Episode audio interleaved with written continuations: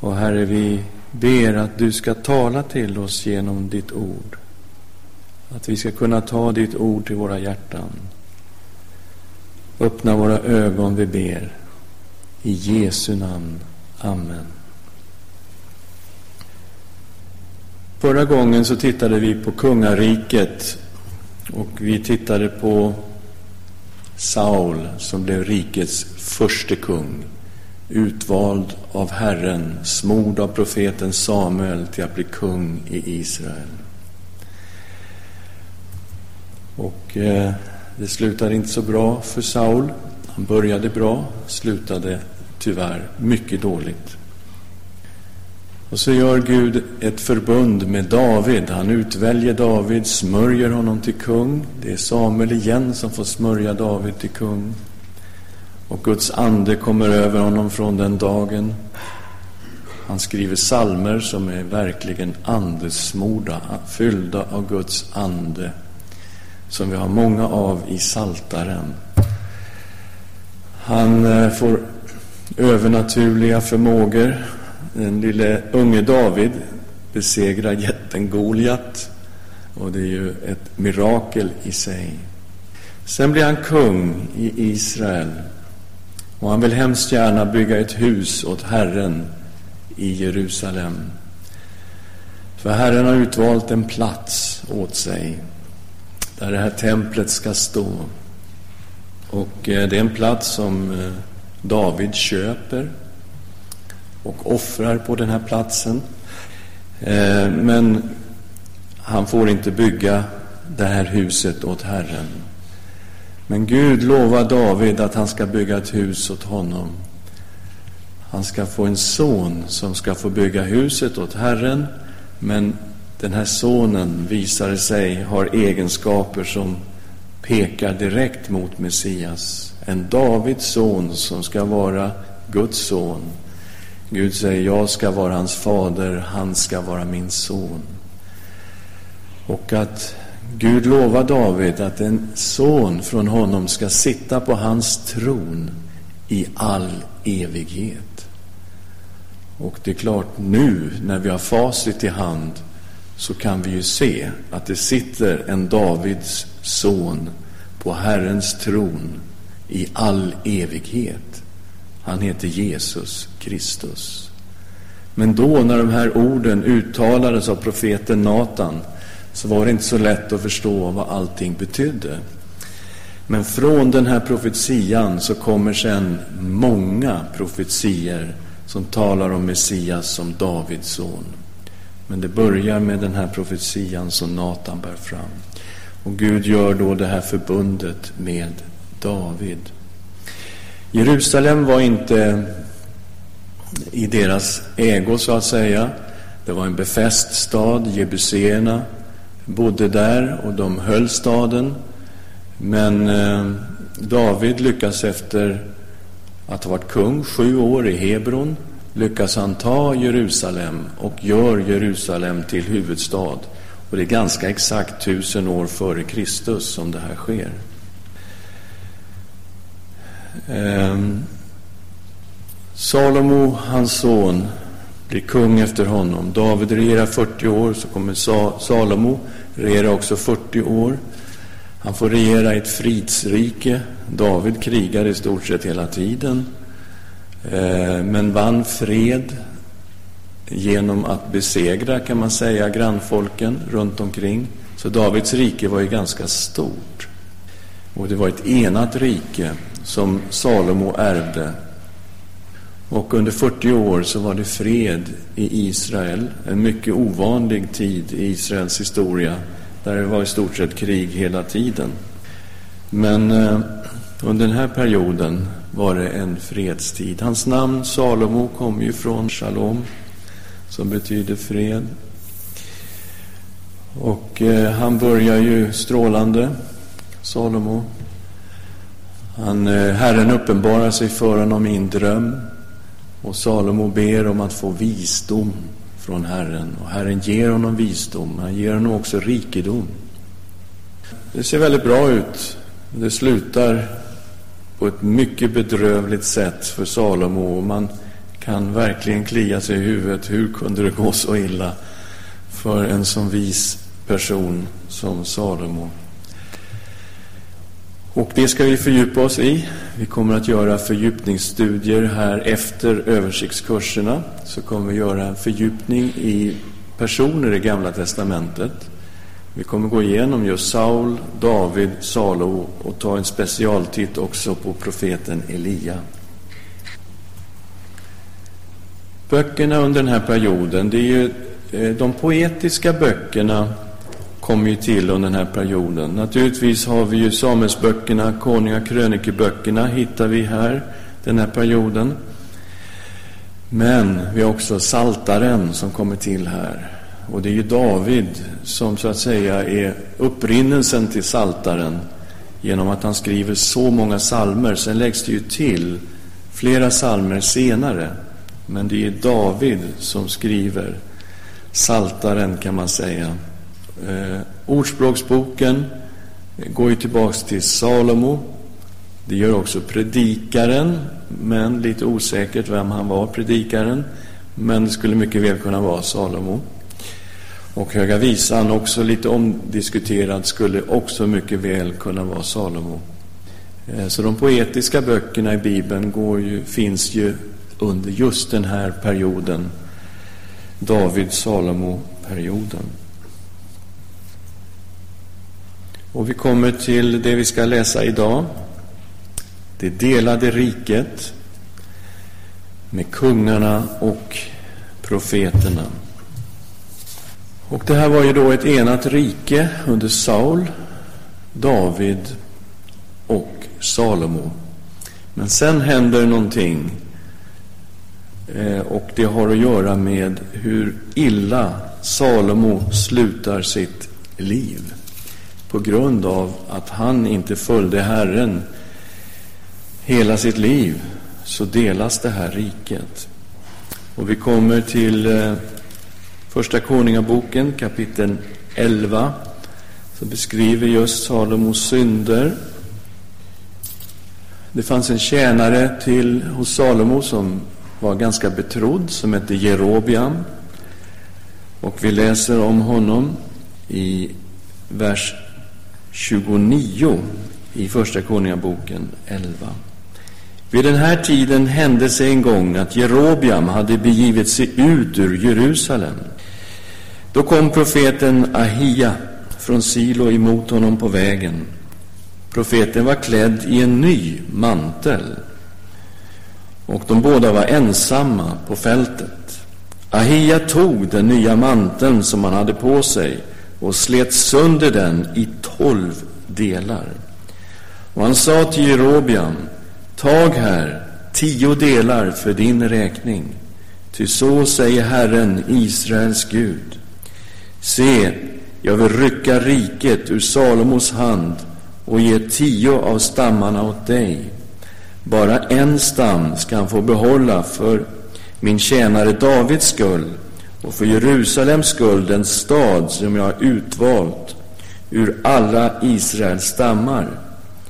Detta ska ske därför att de har övergivit mig och tillbett Asarte, Sidoniernas gudinna, Kemors, Moabs gud, och Milkom, ammoniternas gud. De har inte gått på mina vägar, inte gjort det som är rätt i mina ögon, efter mina stadgar och föreskrifter, så som Salomos fader David gjorde. Dock ska jag inte ta ifrån honom hela riket, utan jag vill låta honom vara förste så länge han lever, för min tjänare Davids skull, som jag utvalde, därför att han höll fast vid mina bud och mina stadgar. Men jag ska ta kungadömet från hans son och ge tio stammar åt dig. Och så fortsätter det. Så det kommer en profetia här medan Salomo ännu sitter på tronen. Och det är Jerobiam som får profetian. Och han får alltså helt klart eh, den här profeten gör en profetisk handling. Han tar alltså den här nya manteln som han bär eh, och så river han sönder den i tolv bitar. Och så säger han, tio bitar får du, tio stammar. Och Två bitar är kvar då, men sen visar det att det bara är en bit. Och där har vi det här vi pratade om med Simeon som verkar vara försvunnen någonstans. Han verkar vara, ha gått upp i Juda på något vis. Det står inte så, men man kan dra den slutsatsen. Eftersom han ligger just geografiskt i det här området som sedan Juda regerade över. Man tänker då Jerobiam var bra. En, en till kung utvald av Gud. Det blir väl ganska bra. Och här säger Gud till honom i vers 38. Om du lyder allt jag befaller dig och går på mina vägar och gör det som är rätt i mina ögon så att du håller fast vid mina stadgar och bud så som min tjänare David gjorde, då ska jag vara med dig och åt dig bygga ett hus som blir bestående, så som jag byggde ett hus åt David, och jag ska ge Israel åt dig. Ja, det låter ju ganska hoppfullt. Han får till och med löfte här att hans rike ska bestå om han följer Herren. Ja, vad är det som händer här i framtiden? Salomo dör. Hans son Rehabiam blir kung efter honom. Jerobiam har vid den här tiden gått i landsflykt. Han bor i Egypten därför att Salomo får reda på den här profetian och vill eh, slå ihjäl honom. Men han flyr då till Egypten. När Salomo har dött så kommer Jerobiam tillbaka. Och då är frågan, den här profetian då, som Gud hade uttalat. Så hela folket samlas inför kung Rehabiam. Och eh, de säger så här, du måste lätta på skatterna.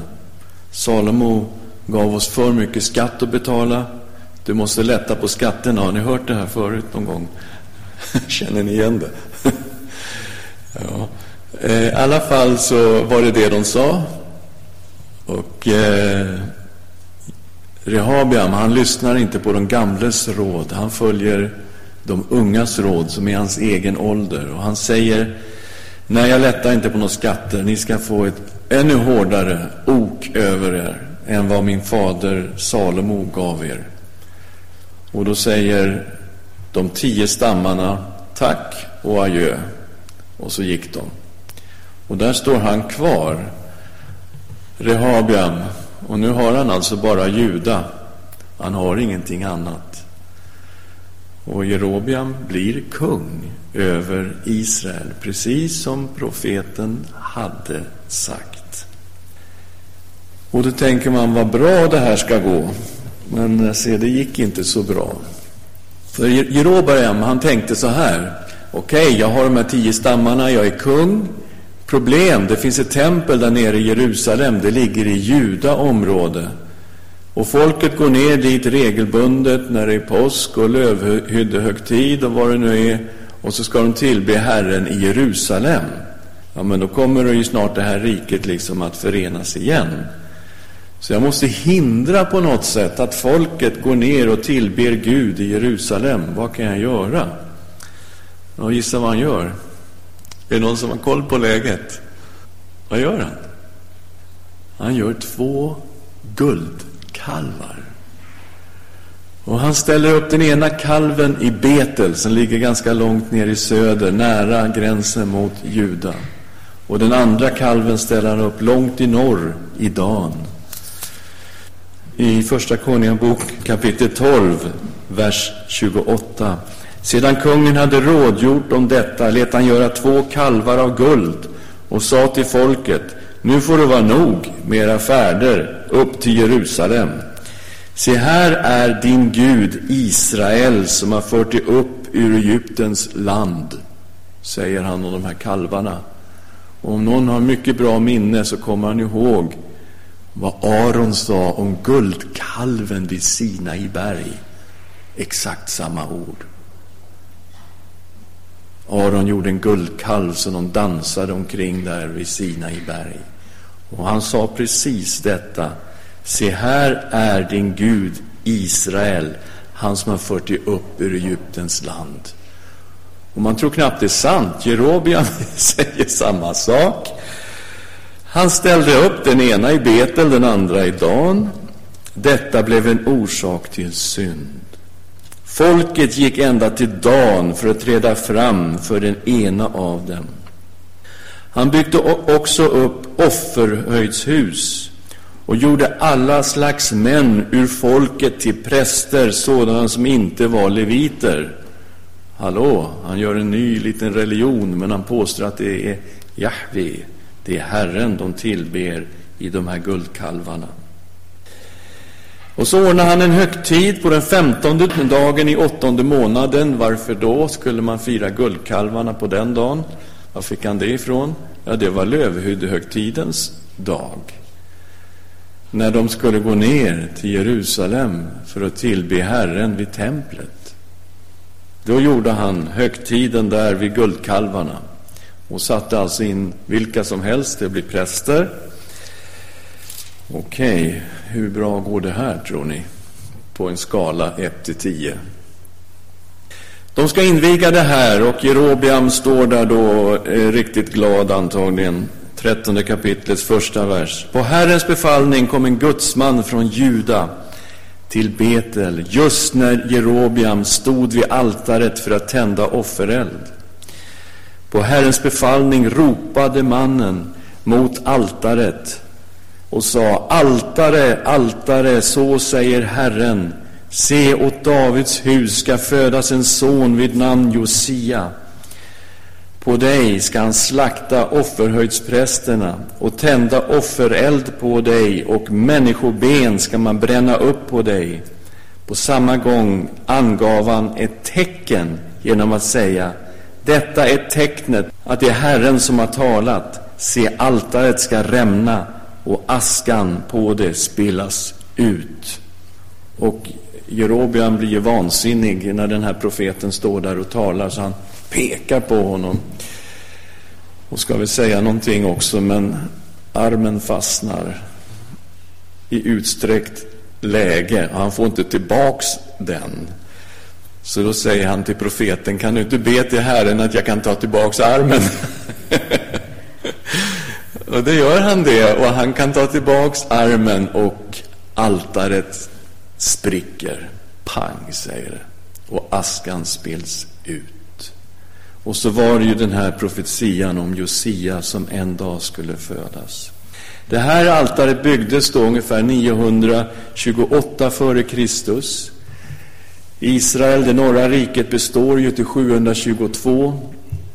Då förs Israel in i fångenskap, men fortfarande finns de här äh, guldkalvarna kvar. Och offeraltarna finns kvar. Josia kommer 622, hundra år efter att Israel är bortförda i fångenskap, kommer Josia dit och gör sin reform genom hela landet och verkligen, precis som det står här, bränner människoben på de här altarna för att orena platsen och tar bort de här guldkalvarna. Ja, det här var inte bra. Och det här kommer sen att ligga Israel i fatet under hela historien som är kvar. Det norra riket fortsätter att tillbe de här guldkalvarna hela tiden. Sen 50 år senare så har balsdyrkan tagit över landet totalt. Vi är framme vid profeten Elias tid. Och de har övergett Herren, de har slagit ihjäl alla Herrens profeter, det är bara Elia kvar. Det är en, eh, en mörk historia att läsa om det norra rikets historia. De fick kung på kung på kung. Många satt bara väldigt kort tid, ett par år. Någon satt några månader, men de dräpte varandra och, och så. Men alla var onda. Ingen av kungarna i Israel, det norra riket, får betyget att de gjorde vad som var gott i Herrens ögon eller vad som var rätt i Herrens ögon. Alla gjorde vad som var ont i Herrens ögon. Och det är ju helt klart att Guds domar kommer att gå över detta folk. Och det gör det alltså. Det är ju nästa lektion, så den ska vi inte ge oss på nu. Juda då? Där var det betydligt ljusare. Där sitter alltså en ifrån Davids familj på tronen hela tiden, utom i sex år. Och det är när Atalja eh, sitter på tronen och styr under en kort period. Och hon dräpte alla ifrån Davids hus, alla kungasönerna dräptes. Men det var en liten baby som de lyckades få undan. Och han gömdes till han var sju år gammal och det är Joas som blir barnkung vid sju års ålder. Han kan ju inte styra så mycket, men översteprästen håller honom under armarna och lyckas på så sätt återinföra en son av David på Judas tron, judatron. Där är ungefär hälften i alla fall det är de som gör rätt i Herrens ögon av kungarna i Juda. Så det är inte nattsvart, men det finns otroligt svarta tider också i Juda. Under Manasses period så står det att de gjorde mer ont än någon av de folk som hade varit före dem. Och de tillbad alla möjliga avgudar och de dräpte oskyldiga människor. Och det var en mycket mörk period under Manasses regering. Eh, märkligt nog, son till Hiskia var han. Men det gick mycket illa under Manasses tid. Profeterna. Herren sände profeter under den här tiden. Och det är ju märkligt alltså att under hela den här tiden, både i Israel och i Juda, så finns det då människor som lever nära Gud, som är fyllda av Guds ande, som får göra fantastiska under och tecken. Ta bara undren som skedde genom Elia och Elisa. Och de hör Guds röst och de talar, och de talar alltså spikrakt. Ja, det är helt otroligt eh, hur de hör Guds ord. Ett exempel på det här är ju profeten Mika i Första Konungaboken kapitel 22 som profeterar mot Ahab. Och han säger i 22 kapitlets 17 vers Jag såg hela Israel skingrat på bergen som får utan herde. Och så profeterar han att Ahab kommer att dö i det slag som ligger framför dem. Men eh, det finns ju massa falska profeter som har sagt att Nej, men det här kommer gå kanon, du behöver inte vara rädd. Och Mika är den enda av Herrens profeter som säger Nej, nej, nej, du kommer att dö i det här kriget. Och vi kommer ner till 26 versen. Men Israels kung sa, ta Mika och för honom tillbaka till Ammon, stadens överste, och till Joas, kungasonen, och säg, så säger konungen. Sätt honom i fängelse. Låt honom leva på vatten och bröd till dess jag kommer välbehållen tillbaka. Mika svarade, om du kommer välbehållen tillbaka har Herren inte talat genom mig. Och så blev Ahab lite rädd. Han klädde ut sig så ingen skulle se att det var han som var kung, utan han såg ut som en vanlig vem som helst. Och så var det någon som spände en båge och sköt en pil på måfå som går in i fogen på rustningen och träffar honom. Han dör. Vers 34. Men en man som spände sin båge och sköt på måfå träffade Israels kung i en fog på rustningen. Då sa kungen till föraren av vagnen, vänd vagnen och för mig ut ur Herren, för jag är sårad. Och så dör han. Sådana här profetier kommer gång på gång. Elisa han bar fram mycket märkliga profetier. På den här tiden så hade Israel, de krigade mot arameerna. Vi ska titta lite hur det här ser ut, så Eh, där. Uppe i norr ligger Aram, alltså Damaskus huvudstad, Syrien idag. Ammon eh, var ju då öster om Israel. Amman, har ni hört talas om Amman någon gång? Jordaniens huvudstad, Ammon. Vi har Moab där lite i söder och Edom som ligger i söder, är idag en del av Jordanien. Eh, Filisterna krigar de mot jättemycket, särskilt under Davids tid var det krig hela tiden mot filisterna. Och de hade mycket makt i landet. Och så. Och Aram då, de eh, krigade mot Israel, det norra riket. Men Elisa, han visste precis vad de höll på med.